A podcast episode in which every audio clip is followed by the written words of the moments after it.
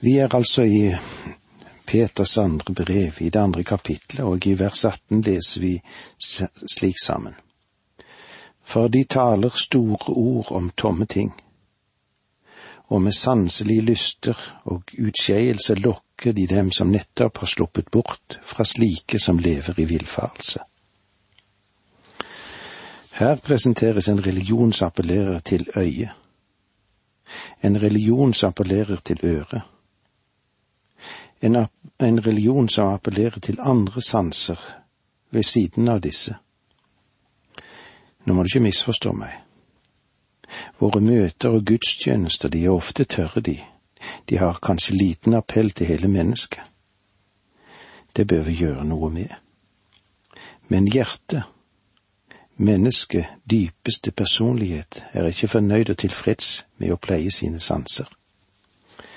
Hjertet lengter etter Gud, og bare Guds ord, boret ved Guds ånd, kan tilfredsstille det behovet.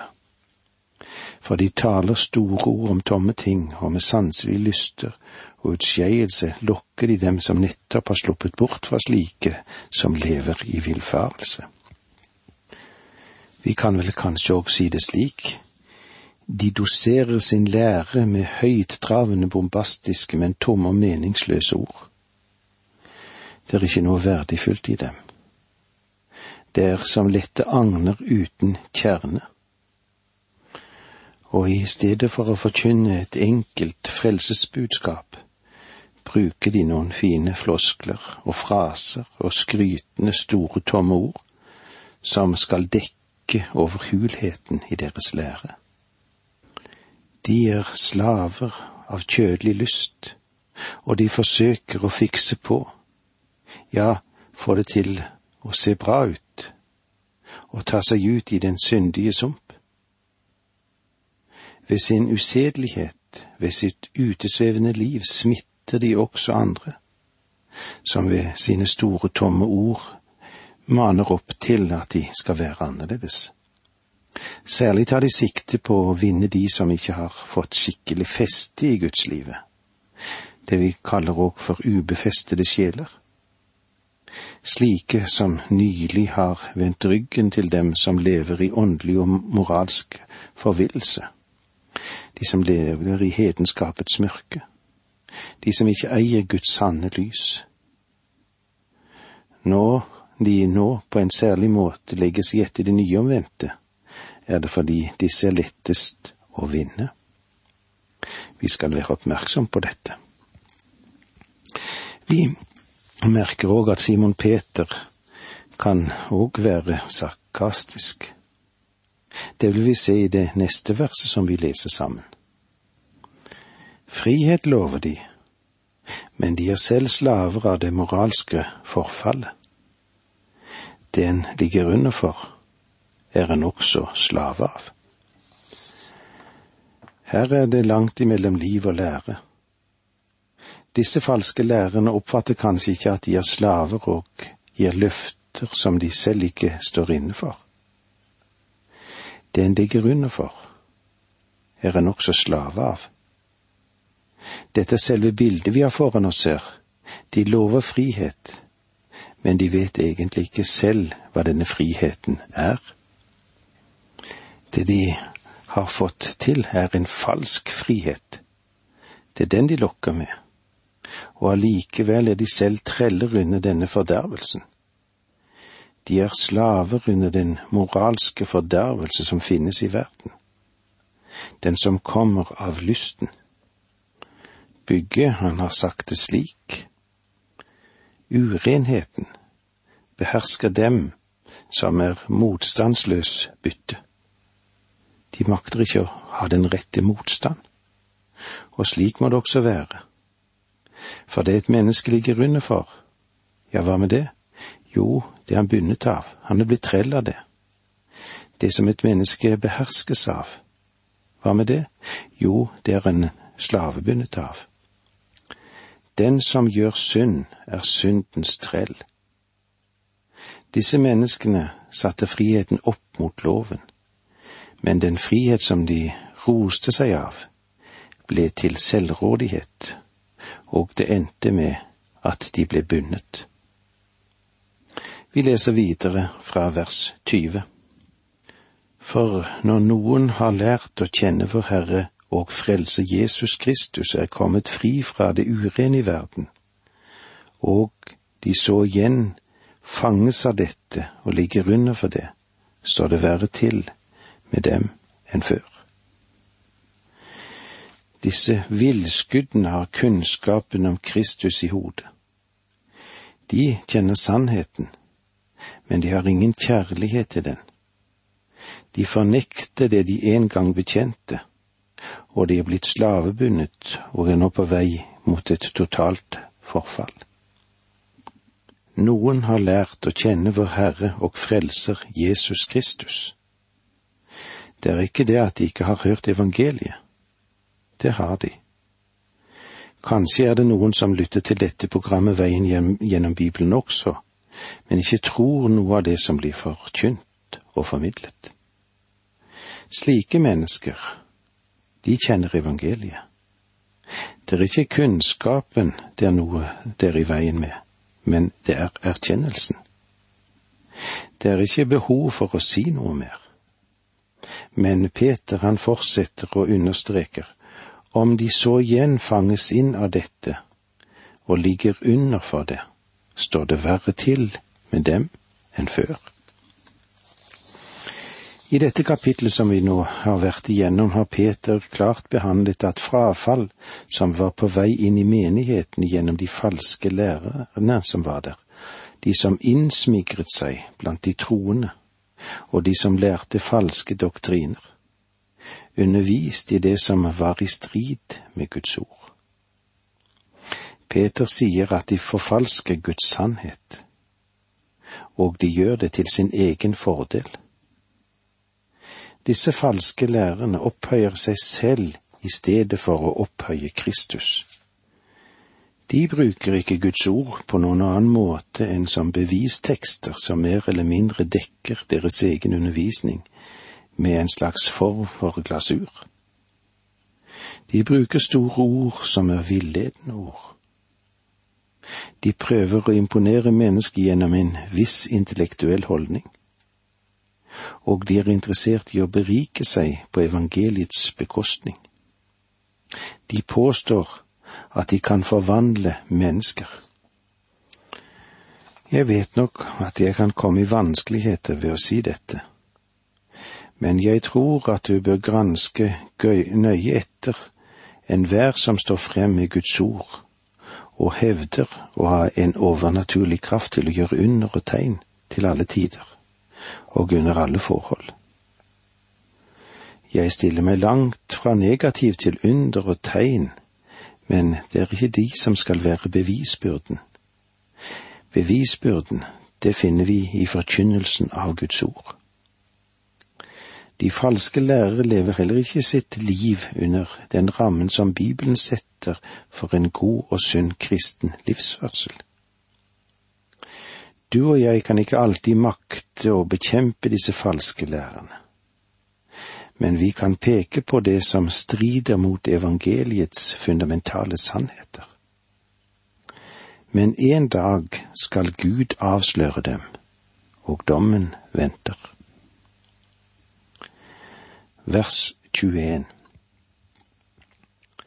Det ville vært bedre for dem om de aldri hadde lært å kjenne den rette vei enn at de først kjenner den, og så vender seg bort fra det hellige bud som ble overgitt dem.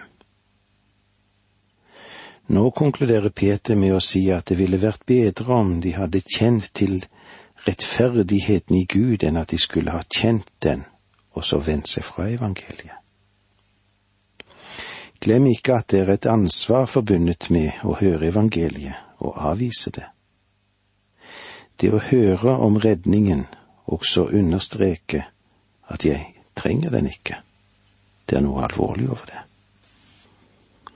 Det var stort at de lærte det å kjenne, at de begynte å gå på rettferdighetens vei, at de fikk lov til å oppleve kristentroen og kristenlivet som en rettvis og høyverdig livsstil og en livsførsel. som var i samsvar og er i samsvar med Guds hellige vilje. Det var kunnskapen om Kristus som førte dem inn på denne veien. Nå hadde de altså isolert kunnskapen fra ordet om Kristus og kalte mørke lys og trelldommen for frihet. Det sanne lyset som de først fulgte, det var de hellige bud. Det fullkomne uttrykk som sier oss hva Guds etiske lov og livslov sier, og de som bærer frem evangeliet, hadde overgitt til dem. Men nå hadde det altså skjedd en tragisk situasjon for dem. De hadde snudd ryggen fra det som var lyst og rett og sant. Det var bedre for dem at de ikke hadde lært denne veien å kjenne. Det er alvorlige sider som vi er innom nå, men de er viktige for oss alle sammen å ta det til oss og leve ved det. Det var så langt vi kom i dag. Takk for nå, må Gud være med deg. Dette undervisningsprogrammet består av to deler. Åge Nevland fortsetter nå med andre del av dagens undervisning. Vi er i annen Peters brev i det andre kapitlet, og vi vil nå ta for oss det siste verset som står i dette kapitlet, vers 22. Da er det godt med dem som det treffende heter i jordtaket.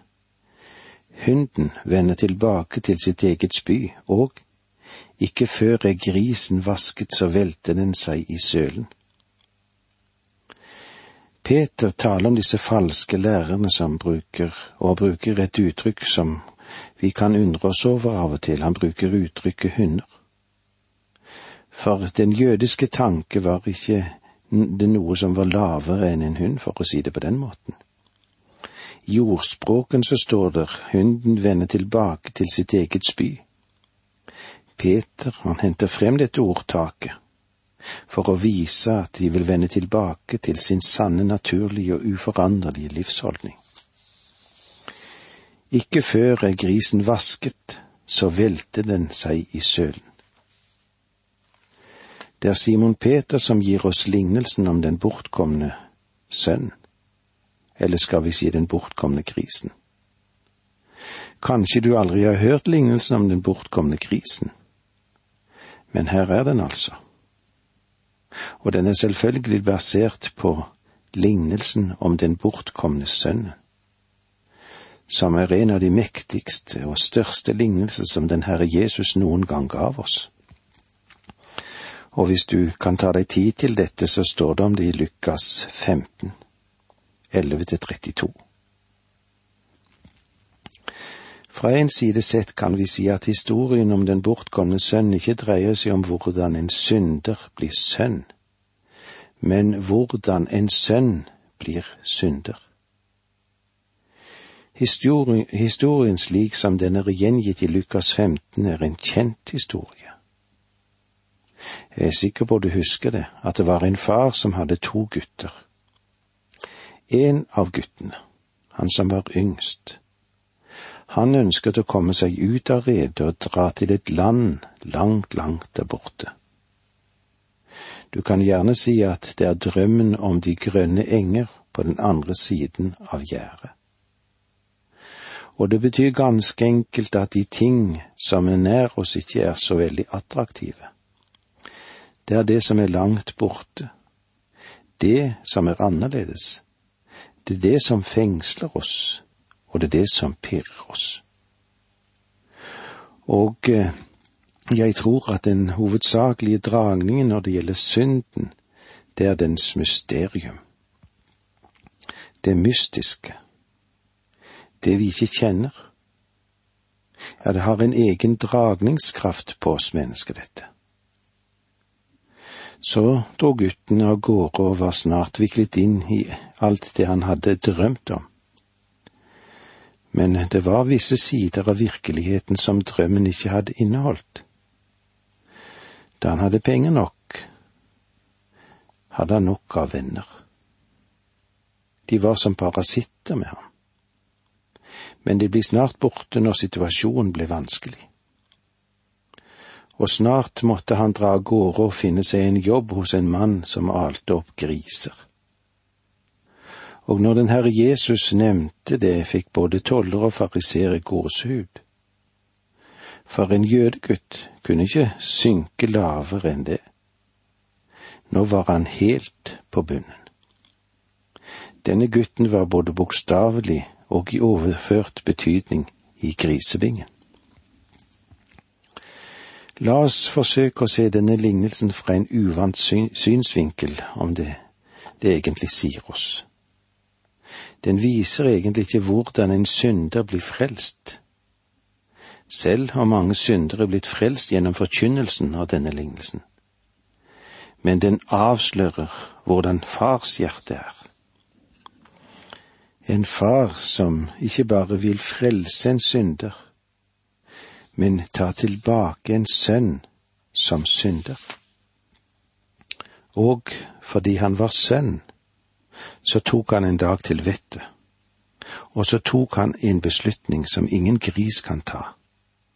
Han sa, Min far lever i det store huset fremdeles. Han har tjenere som har det bedre enn jeg. Jeg er sønnen hans, men her lever jeg sammen med grisene.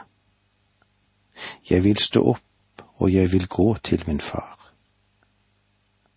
Ingen gris kunne si noe slikt. Og i alle fall kunne ikke grisene tenke seg å forlate sitt rau og sine skylder. Hva skal nå faren gjøre med denne gutten når han vender hjem? Ifølge Moseloven så skulle gutten ha vært steinet til døde. Om dette står det om i femte Mosebok kapittel 21 vers 18 til 21 men han ble ikke stenet til døde. Sønnen kom tilbake og kom med sin bekjennelse. Far, jeg har syndet mot himmelen og mot deg. Men faren lot han ikke avslutte sin tale. En skulle ha ventet at faren ville ha sagt til en av tjenerne, kom med et skikkelig rep, så jeg får gi denne, denne slasken av en sønn en god omgang juling. Han har jo vanæret mitt navn. Han har brukt opp alt det jeg ga han. Han har også misbrukt tiden sin. Han har levd i synd. Og jeg skal sannelig lære ham hva det vil si, alt dette som han har gått igjennom. Men det var jo ikke det som hendte. Du skjønner, gutten hadde jo fått mer enn nok juling i det landet han hadde vært i langt der borte. Alle de bortkomne får mer enn nok så de rekker langt hjemmefra. Og når de så kommer tilbake til sin himmelske far, ja, da er det alltid fest. En kledning og en ring. Og de begynte å være glade. Festen var i fars hus. Festen ble det aldri noe av i grisebingen. Det interessante nå er at Peter sier, ikke før var grisen vasket, så velte den seg i sølen igjen. Og nå kan vi legge noe inn i denne lignelsen om den bortkomne sønn. En av disse små grisene i grisebingen sa til den bortkomne sønnen, Mener du egentlig at du vil forlate denne herlige grisebingen med det, alt det som finnes her, den deilige leiren som vi kan velte oss i, og alle disse gode skyldene som tømmes i trauet vårt, og gå tilbake til din fars hus? Det høres egentlig ikke så dumt ut. Faktisk har det vunnet meg. Kanskje jeg skal gå med deg og prøve jeg også. Så den bortkomne sønnen, så sa han til ham, kommer du dit, så vil tingene bli helt annerledes. Da må du komme på helt andre tanker. Da de kom til fars hus, la faren armen rundt gutten sin og sa, Ta hit kappen til ham, gi ham kappen og det var ikke vanskelig å kjenne stanken av de klærne som han hadde båret i grisebingen, og at han virkelig mente det som var skjedd. Gi ham et riktig godt bad og la ham få nye klær. Han kan ikke lukte slik eller leve slik i mitt hus. Den lille grisen som hadde fulgt med den fortapte sønnen hjem, han kom også med i og fikk oppleve en skrubb. De vasket den lille krabaten, og han fikk et lyserødt silkebånd rundt halsen. Tennene ble skrubbet med pepsodent, og den lille grisungen den sprang skrikende gjennom huset. Men det var bare et par dager før han med et kast med nakken sa til den bortkomne sønnen. Du bortkomne sønn, jeg trives ikke her. Og sønnen sa det er da merkelig. Jeg har aldri hatt det så deilig i mitt liv som etter at jeg kom hjem, og du sier at du ikke liker det. Er galt? Den lille grisen svarte, jeg liker ikke ideen om å ha det rent rundt meg. Jeg sover så mye bedre når jeg er i et gjørmebad. Men slik gjør vi ikke her, i fars hus, svarte den bortkomne sønn. Du kan ikke leve som i en grisebinge her og slik fortsetter de å diskutere forholdene i guttens hjem sammen med de forholdene som var i grisebingen. Til sist sier den lille grisen, vel, jeg tror jeg må stå opp og gå til min far. Hans foresette, de var ikke i det huset, og så ruslet han hjem. Han eh, var vasket og stelt, men han gikk tilbake til grisebingen og fant sin far midt i den verste sølen. Den lille grisen satt i et skrik og hoppet opp i gjørma igjen. Og han ropte til sin far, Gamle mann, jeg er så glad for å være hjemme igjen. Vet du hvorfor? Fordi han var en gris. Ser du hvor vanskelig det kan være å vurdere? Forvandlingen er alltid forvirrende fordi noen ganger går forlorne sønner på den andre siden av gaten på vei til grisebingen og for å øke forvirringen hender nå og da at en av svinene springer fra grisebingen og har retning mot fars hus. Og han kan bli vasket og stelt og bli meget religiøs. Det er vanskelig å si hvem som er sønn og hvem som ikke er sønn, for de er jo like, de er velstelte på utsiden. Men på innsiden er det stor forskjell. Det er stor forskjell på sønnens hjerte og på den som ikke er det. Det er et skarpt og rystende bilde Peter tegner for oss her, og jeg kjenner nesten ikke noe mer skremmende bilde i hele Guds ord, kanskje med unntak av kapittel 17 i åpenbaringsboken, men det vil vi komme tilbake til senere. Det er ikke rart at Jesus forbeholder seg retten til å fortelle hvem som er hvem blant menneskets barn. Vi skal ikke klusse for mye med å skille ugresset fra hveten. Den retten har Jesus selv forbeholdt seg. Det betyr ikke at vi ikke skal vurdere. Det har vi ansvar for. Guds ord trekker opp klare grenser, blant annet i annen Peters brev. Og med disse ordene må vi si takk for nå. Må Gud være med deg.